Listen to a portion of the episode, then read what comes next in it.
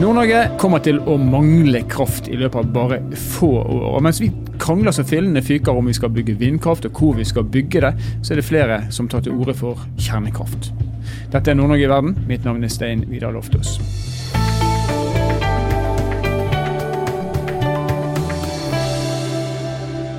Nord-Norge har altså et kraftoverskudd i dag, men planer om industriutvikling og elektrifisering kommer til å endre denne situasjonen i løpet av veldig få år. Så det må bygges ut. Det er vi alle enige om. Og så snakkes det om vind, og det snakkes om vann. Og samme hva vi velger, så må vi bygge overføringslinjer. Det kommer til å utløse behov for arealer med tilhørende arealkonflikter.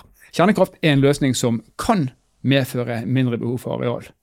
Men det er foreløpig bare ganske få som ønsker kjernekraft. Men en av de er Sunniva Rose. Hun er kommunikasjonsdirektør i Norsk Kjernekraft. og Hun har en doktorgrad i kjerne- og energifysikk fra Universitetet i Oslo. Og nå er hun her sammen med oss i eh, Nord-Norge i verden. Hjertelig velkommen til oss, eh, Sunniva. Tusen takk.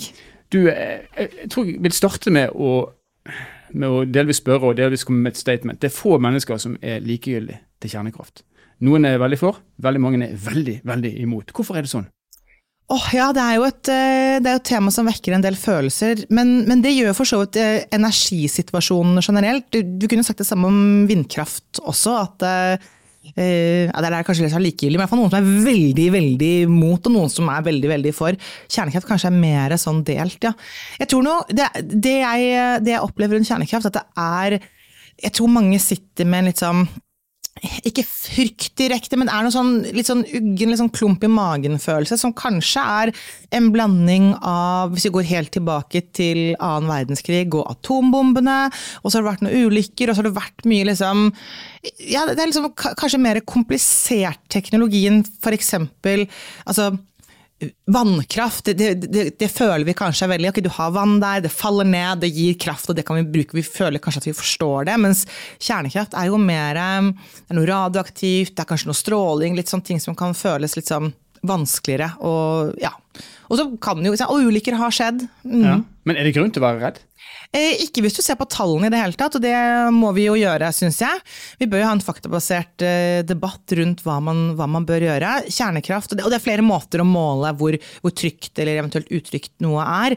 Hvis du ser på det litt eh, morbide målet dødsfall per terawatt-time produsert energi i verden, så er det jo kull som er desidert på førsteplass. Kjernekraft kommer helt nederst. 0,04 dødsfall per terawatt-time. Og det inkluderer også da de ulykkene man har hatt. og det man også kan på en måte beregne som eh, statistisk som ekstra kreft pga. Tsjernobyl f.eks. Eh, og så kom da innvendingen at eh, jo jo, men, men det er et sånn gjennomsnittsmål, det er ikke så relevant, fordi hvis det først skjer en ulykke, da, blir jo da, da går det jo virkelig ille.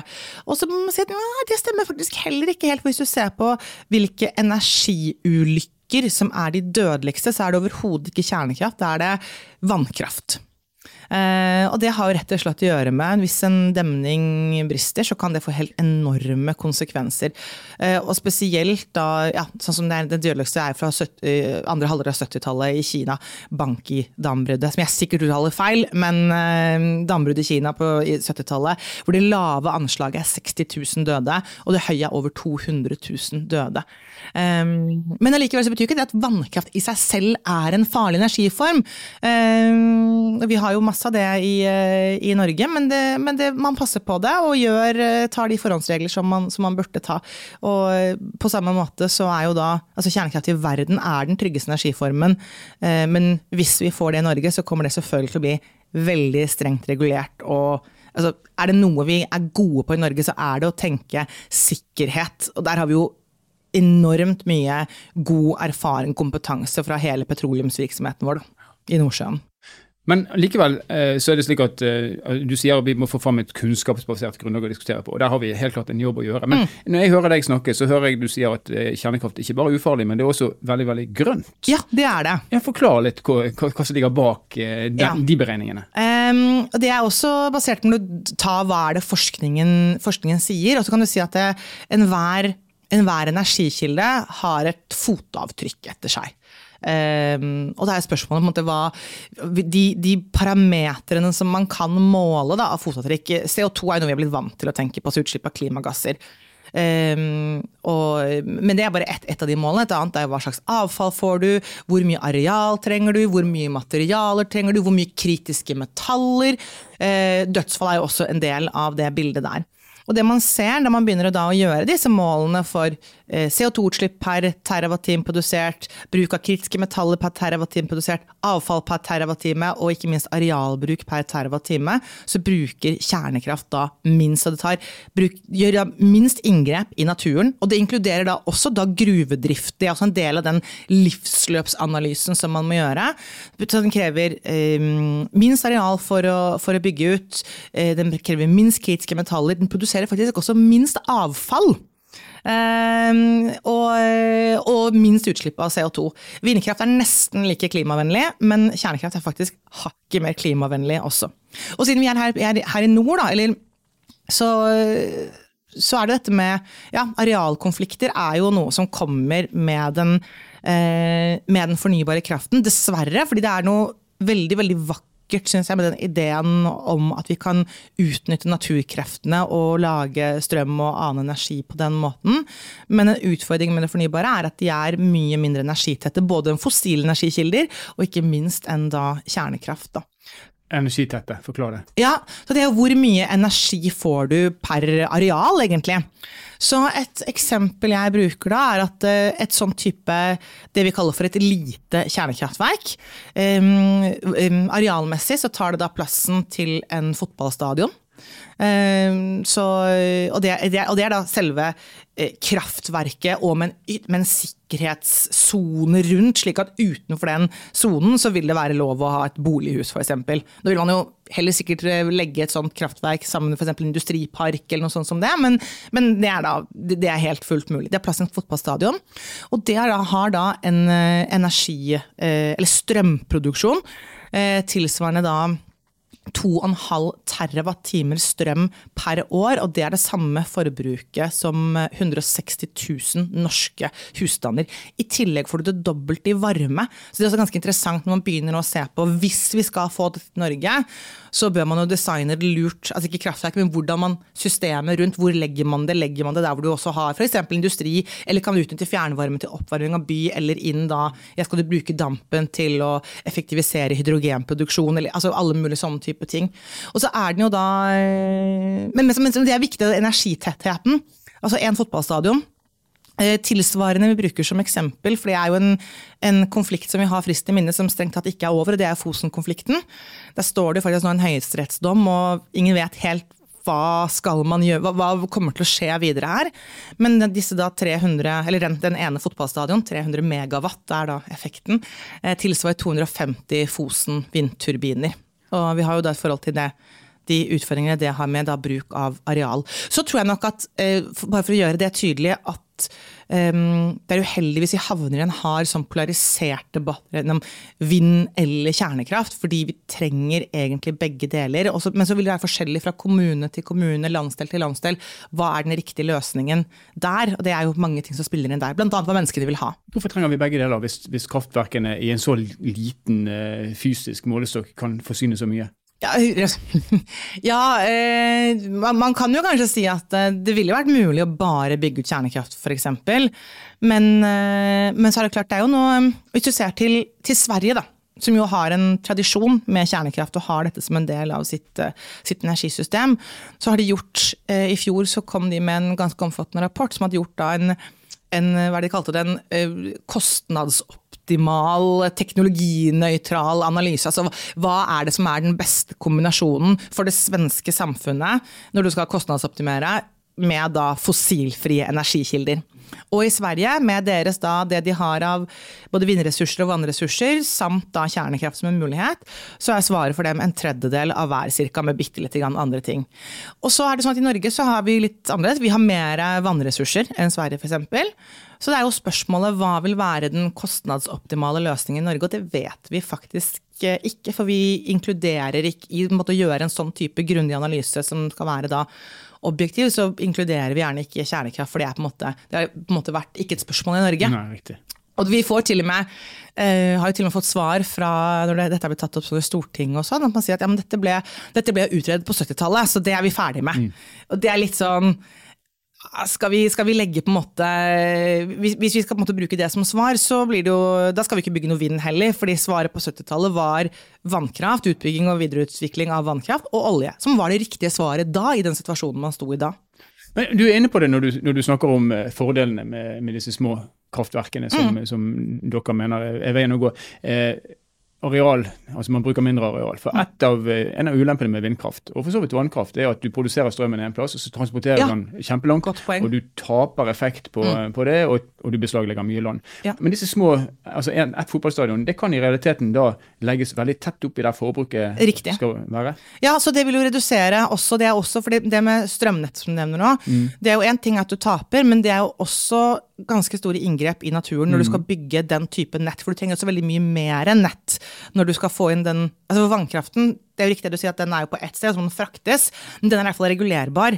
Altså at du får den kraften du ønsker når du ønsker at du skal ha den. Ehm, men når du i tillegg skal få inn veldig mye væravhengig kraft, som vindkraft er, da, hvor det er plutselig blåser det veldig mye, og så blåser det ikke. Så for å sikre den forsyningssikkerhet, som vi jo absolutt må ha. Eller sol, for den saks skyld. Eller solen også, samme der. Solen skinner ikke alltid, vinden blåser ikke alltid. Uh, og så vil du ha overproduksjon når det er mye vind. Ja. Uh, så må du ha et helt annet type nett, som også er da koster mye penger. Det er dyrt å bygge ut nett på den type skala som, uh, som vi snakker her. Um, og, og, det er også inngrep i naturen. Men til, til det du egentlig sa, at ja, men, mens da den kjernekraften, spesielt av disse små kraftverkene um, med 2,5 TWh strøm per år, de kan bygges der du trenger dem. Og det endres av det bildet fra da vi måte bygde opp Norge. Da vi bygde, eh, bygde ut industri der vannkraften var. Så står vi der nå at nå kan vi bygge kraften der hvor industrien, eller der vi har behovet. Eh, og det er ganske interessant. Det, men, så, så, det er jo én ting at du kan ta den dit hvor er det du har behov for den kraften. Men det gjør jo også at du blir Du trenger ikke den type nett på den samme måten. Så det er, eh, det er også spennende. Men for å ta det her inn i en, eh, en veldig aktuell problemstilling her i Nord-Norge, ja. nemlig elektrifiseringen av Melkøya. Hvor mange sånne kraftverk ville vi trengt plassert eh, høvelig nært Melkøya for å forsyne de med Nå husker jeg ikke hva energi- eller kraftbehovet der er. Har du nå cirka um det, altså, jeg, jeg, mener ja. å huske at vi snakket om Men, men sagt, nå, nå med, med, høyde for at jeg ikke husker da det kraftbehovet, skal jeg si da at én sånn fotballstadion den gir da strøm tilsvarende altså 2,5 TWh. I, I personforbruk så er det ca. 160 000 ja. norske husstander. Jeg lurer på om det er om Melkøya da trenger noe sånn cirka om det er ca en og en halv gang det, eller noe sånt. Så da finnes det noen som er Enten så kunne man da hatt f.eks. to uh, av den type uh, kraftverk som vi snakker om her, eller en som er litt større, eller tre av de som er litt mindre. Men altså uansett, de er Det er ganske Det er små Det krever små arealer. Um, så, men dere kan uansett, den som lytter, kan jo også regne ut selv, når de vet at det er 2,5 terawatt-time strøm her, og så kan de jo se hvor mange terawatt-timer man trenger til Melkøya, eventuelt også da selvfølgelig annen bebyggelse rundt. Vi kan i hvert fall slå fast at uh, arealkonfliktene veldig fort kunne vært lagt død hvis man hadde gått for en sånn løsning. Men så er det jo slik da, at disse små kraftverkene som er uh, kjernefysiske, uh, de har store deler av Europa faktisk gått bort ifra. Ikke de mm. små, da, men de har gått bort ifra kjernekraft. Se på Tyskland, f.eks., mm. som la ned sine atomkraftverk, og til og med erstatter det nå med kull. Ja. Eh, forstår det den som kan. Men altså, hvis det er så mange fordeler med det, mm. hva er ulempene som gjør at Tyskland faktisk velger en motsatt strategi? Ja, det er jo en følelsesbasert avgjørelse, avgjørelse. Det kan sikkert noen bli litt sure for å høre. Så jeg kan godt kalle det noe annet. Jeg satt faktisk og hadde en lang diskusjon med både, både min, eh, sjefen min, Jonny Hesthammer, i går, og en annen eh, som vi satt og diskuterte med. Hvor jeg prøvde å bore det. Hva er det som gjør at tyskerne går den veien, mens nabolandet Frankrike går i en helt annen retning? Og her tror jeg du må gå, her tror vi egentlig trenger noen som kan mye mer om tysk historie og samfunn og politikk. Eh, måte, hva er det som er deres eh, Hvorfor gjør de det på den måten? Men mye av sånn som jeg skjønner det, så er det også den, den grønne bevegelsen kommer fra Tyskland og en slags sånn nei til atomvåpen. Hvis, hvis det er noe i starten der, um, så blir det en sammensausing der av da atomvåpen og kjernekraft. For det er jo helt sant at kjernekraft, som veldig, veldig mye annen teknologi, starter med noe militært, og så tar man det videre derfra. For det første man gjorde, var jo å utvikle atombomben, og sitte ganske raskt derfra til da sivil bruk. Og bare så det er sagt da på denne podkasten her nå, så er det sånn at Et kjernekraftverk kan aldri eksplodere som en atombombe. Eh, det er ikke noe én-til-én der. Det er veldig stor forskjell og ekstremt strengt internasjonalt regelverk for, eh, for det, det brenselet du har i et kjernekraftverk. at Det ikke skal kunne liksom, det er ikke sånn at det er lett å gjøre det om til noe våpen. eller noe sånt, så det, det, det, Der skal det være strenge, strenge skott mellom sivil og militær bruk. Eh, men ja, så, så, Tyskland har jo da gått helt vekk og erstattet med kull, som jeg vil si er en tragedie. Eh, ikke bare for klimaet, men også hvis du ser på Nå nevnte jeg innledningsvis dette med hvilke energikilder som er de dødeligste, hvor det er kullkraft. Og det er jo ikke hovedsakelig pga. ulykker, men det handler hovedsakelig pga. Partikkelforurensning og hvor mange mennesker som dør pga. det hvert år. Og man kan beregne seg fram til da altså liksom hvor mange ekstra dødsfall du får, liksom, statistisk fordi Tyskland da gjør denne, gjør denne avgjørelsen. Eh, mens så har du Frankrike, som har, eh, som har en veldig stor andel av sin den strømmen de bruker, er da fra kjernekraft. I, eh, i Finland ble de omsider ferdig med dette Olkiluoto-kraftverket sitt, Olkiluoto 3, eh, som kom på, koblet på strømnettet i fjor høst. I Sverige så er det jo politisk nå en veldig stor bølge for å bygge ut mye mer kjernekraft. Eh, det er flere andre land som går ned den retningen, retningen der. Så jeg lurer litt på om det er egentlig Tyskland som står litt alene nå som det landet som går veldig vekk, med fare for at det kan være land jeg nå jeg kan være biased og på en måte se de som er positive og ikke de som er negative. Eh, men, eh, men ja, det er ganske interessant å se på hvorfor gjør Tyskland som de gjør. Mm. Og så sier du at eh, et atomkraftverk ikke kan eksplodere, ja. gå i luften. Og så kan jeg kontre da med å si Three Mile Island, Tsjernobyl, mm. Fukushima, var det det det het? Det er kun, Tsjernobyl som var en um, Altså Three Mile Island, det var en Da kom du vel dit at det var en Husker jeg ikke detaljene i den ulykken, for den er uh, Det er lenge altså, siden. Det, det, jeg tenker at det er lenge siden, men uh, men den var, hadde en mye lavere alvorlighetsgrad enn Tsjernobyl og Fukushima. De, de, kan jeg si veldig mye om. Tsjernobyl eh, så, så var det, ikke, det var ikke en eksplosjon i, eh, i Det var vel en, lupen var en delvis nedsmelting av brenselet, fordi man, men så vi, vi trenger ikke gå i detaljer på det, fordi der kan jeg slett si feil. Men Tsjernobyl, der hadde du en eksplosjon, men ikke en atomeksplosjon. Grunnen til at jeg syns det er viktig å få frem, eller er viktig å få frem, er at eh, dødelighetspotensialet i en atombombe da snakker vi Det er masseødeleggelsesvåpen. Det er viktig å skille mellom det. Der snakker vi eh, 100 000 mennesker døde av en eksplosjon, f.eks. Eller kanskje mer hvis man lager enda kraftigere. De var jo egentlig relativt små, de som ble brukt. I forhold til dagens. Ikke sant? Mm. Eh, og det som dreper en atomeksplosjon, det er den enorme altså Det er ikke stråling, det er rett og slett altså det er varme, trykkbølger, sånn mekanisk eh, det At du får ut så mye energi så du får en så kraftig eksplosjon. Og det krever helt spesielle en annen type sammensetning av uran for eksempel, eller plutonium enn det du har i et eh, kjernekraftverk. Så til Tsjernobyl. For det var jo en eksplosjon der, men det var en dampeksplosjon som skjedde fordi at man eh, den reaktortypen som var i Tsjernobyl, var en egen type reaktor som ble utviklet og kun bygget i gamle Sovjet. Den ble konkludert med å være utrygg etter vestlig standard. og det ble jo Nettopp fordi man så at denne her er ustabil under gitte forutsetninger. Den tilfredsstiller ikke eh, da sikkerhetskrav, heller ikke på 80-tallet. Um, ehm, og det var det de gjorde, da, hvor de kjørte den på en sånn måte at den ble ustabil, og da fikk du en voldsom varmeutvikling. Altså det skjedde mye da varme i brenselet, som da gjorde at det, vannet som sirkulerte rundt inni der, gikk da fra vann til dampform så raskt. Så det ødela jo reaktoren. Eh, og det, altså det, er alvorlig nok, det, for all del, men det er allikevel noe annet enn en atombombe som ville vært veldig mye verre. I Fukushima så hadde du eh, Det var et kraftverk som ikke løp løpsk, men pga. første jordskjelvet, hvor da reaktoren skrudde seg av slik den skal gjøre, så den oppførte seg eh, egentlig helt etter boka. Men eh, det er jo mye, det er mye varme i et sånt type kraftverk som det. Så selv om 90% da forsvinner momentant, så sitter du like igjen 10 er allikevel mye i en sånn setting. Så er avhengig av å fremdeles ha kjøling, så du må ha sirkulasjon av kjølevann etterpå. Så kom tsunamien, som var da karakterisert som tusenårsbølgen. Eh, så det handler jo da en måte om risikovurderinger. Hvor sier man at man har liksom godt nok tsunami eh, For det er ikke at man ikke var beskyttet mot det. Men det tok, da, tok bort da disse altså dieselgeneratorene som skulle drive disse pumpene når kraftverket var skrudd av.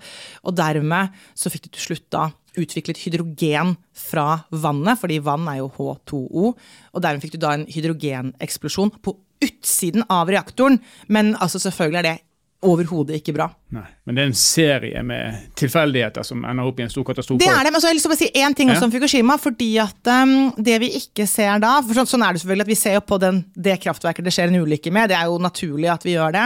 Men vi ser ikke da på kraftverket ved siden av, som, uh, som også ble truffet av samme jordskjelv og tsunami, hvor de hadde hatt en ganske nylig oppdatering av pumpehuset sitt, og dermed tålte denne tsunamien. Så, um, og dette var jo en 40 år gammel reaktor uh, da. Burde den hatt, kanskje ikke hatt dieselgeneratoren ligget nede i en kjeller? Nei, kanskje det burde vært på en annen måte. og Det var jo derfor også det var uh, oppdatert da, på den andre, andre, reaktoren. Men da kan vi slå fast at uh, ulykker kan skje, og det kan det uansett hvordan energiform Flyet jeg kom i kunne ha falt ned, ikke det, sant? men jeg gjør det likevel, fordi jeg gjør en risikovurdering. Vi, vi, er veldig glad for det, ellers hadde ikke vi hatt deg her i dag. Så det setter pris på den måten å vurdere på. men hvis du da snakker, går tilbake tilbake til disse kraftverkene som du er talsperson ja. for. Som mm. da er små og modulære. Ja. Hva kan gå galt der? Nei, altså det er altså En fordel er selvfølgelig at uh, altså der så kan du uh, hvis, uh, altså du, du, kan ha ulykker i de også, fordi risikoen blir aldri null. Nei. Med en gang du gjør noe, samme hva, så vil noe kunne gå galt. Så man kan ikke si at nei, vi skal ha null risiko, for det fins ikke hvis du gjør noe. Eh, men det er jo også en fordel at altså For det første så er det som hadde vært utviklingen i kjernekraftindustrien, er at man beveget seg stadig mer mot det vi kaller for passive sikkerhetssystemer. Som betyr at man eh, egentlig utnytter fysikkens og kjemiens lover til at du f.eks. skal ha naturlig sirkulasjon av vannet, så du ikke er avhengig av pumper mm. på samme måte som Fukushima hvis du mister strømtilgangen. Eh, så det er jo en, en, ting som eh, ikke bare disse små har, men også dette store kraftverket i Finland også har den samme type passive sikkerhetssystemer. sånn at eh, om du f.eks. da mister strømtilgangen fordi det er jordskjelv og reaktoren har skrudd seg av, og, sånn, så har du kanskje en uke hvor du har naturlig sirkulasjon av vannet mm. før du trenger å få koblet på noe. Så det regner man som veldig god tid til å kunne da komme med alternativer. Um, så, så det er sånne type ting også mange ting som er vanskelig å forklare på en, på en sånn kort måte, nå, for det er kjernefysiske detaljer, men, men som gjør at du har en sånn passiv sikkerhet. Og at de f.eks. ikke kan løpe løpsk. Det er også en passiv sikkerhet. Du kan ikke ha den type reaksjon som du hadde i Tsjernobyl, for der løper jo reaktoren løpsk. Det var det som også ble konkludert, at det var utenfor eh, vestlige sikkerhetsstandarder også på 80-tallet. Men så er det også en, en fordel med disse små reaktorene, at rett og slett er, de er mindre. Det er mindre materiale der.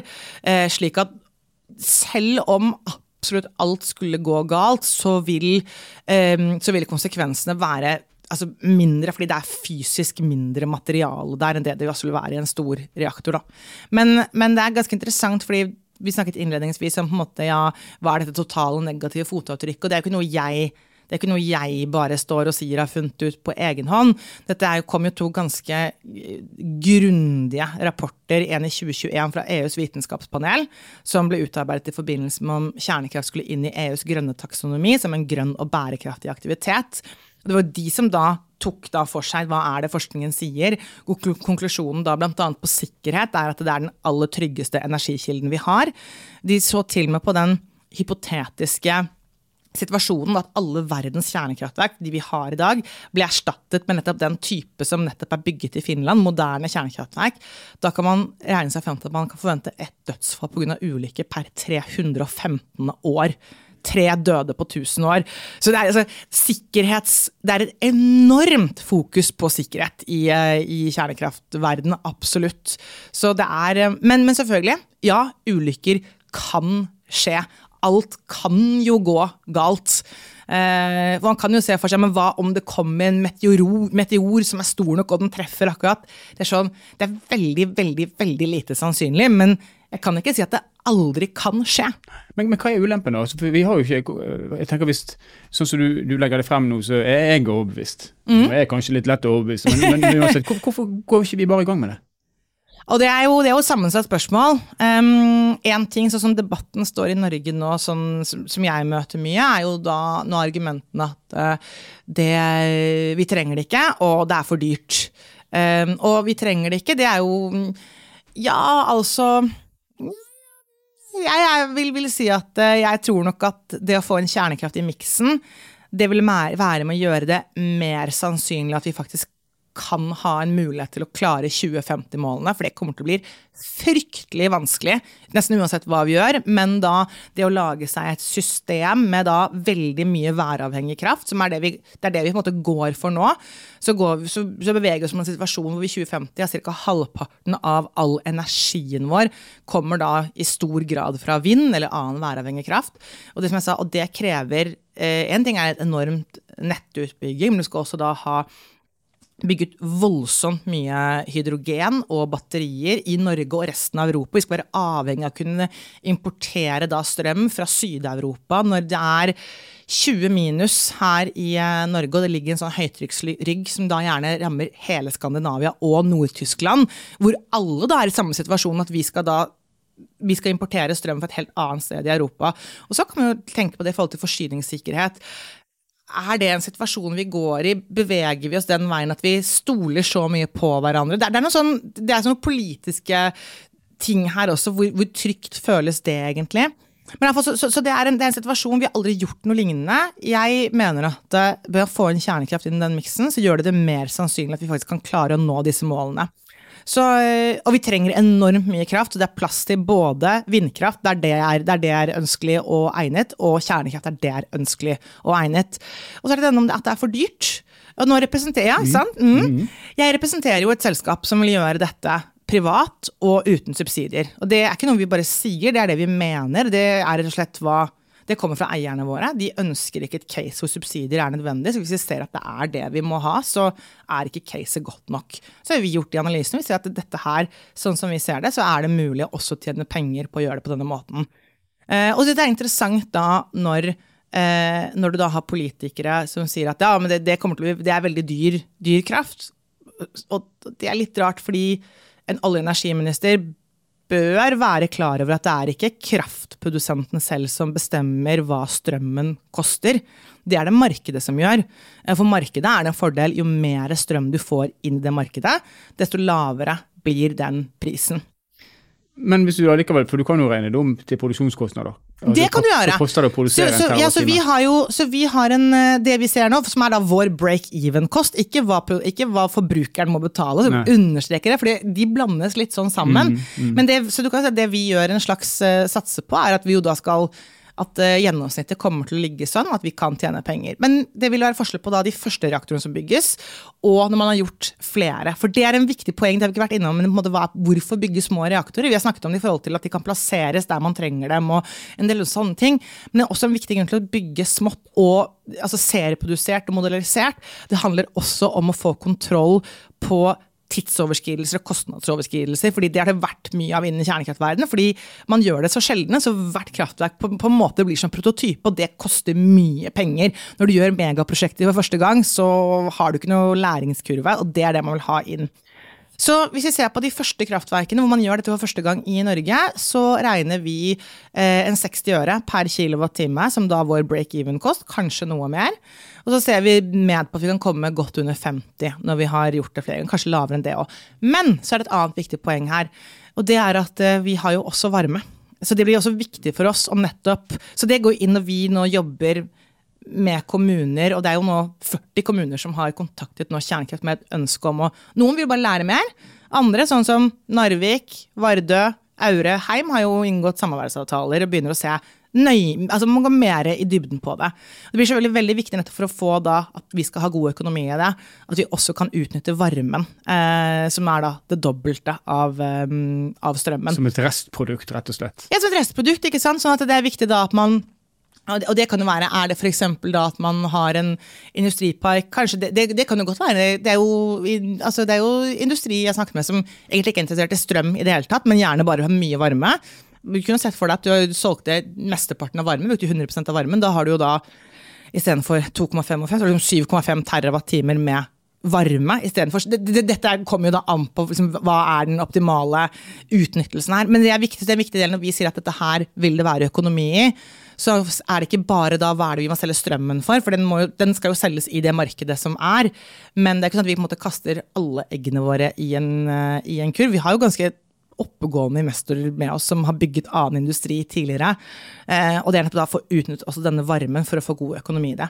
det Men så har jeg lyst til ja. å si én ja. ting til en kostnad. Ja. Fordi det er ganske interessant. fordi det vi på en måte har fått høre nå mye i det siste, er at eh, vind på land spesielt er veldig rimelig å bygge ut. Og har jo, de kostnadene har jo gått ganske langt ned. Da begynner de Fred Olsen Renewables melder vi nå 55 øre per kilowattime på vind på land nå, faktisk pga. inflasjon og materialkostnader og sånne type ting.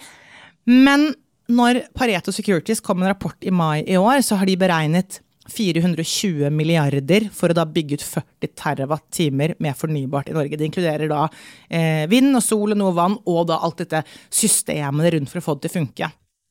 Hvis vi tenker at ok, 420 milliarder, hva kunne vi fått for det i, eh, i kjernekraftsammenhengen istedenfor?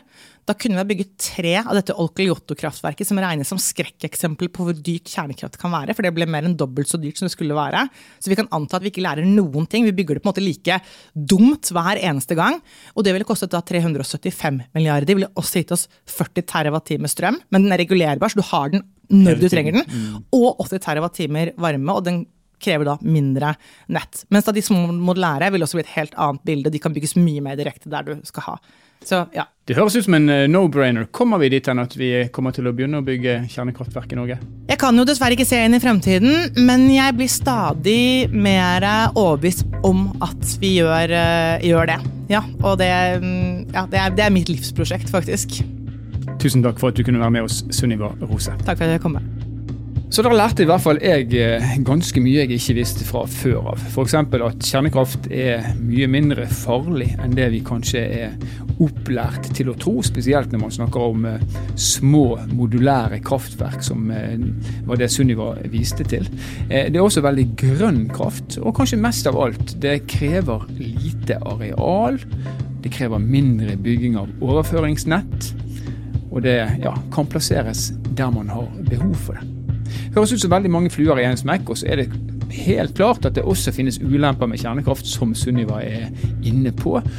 Men på den annen side, det finnes ulemper med absolutt alt. Så får de kloke da veie og eh, finne ut om eh, risikoen er av en slik art at eh, dette her er fornuftig, om det er regnskapssvarende.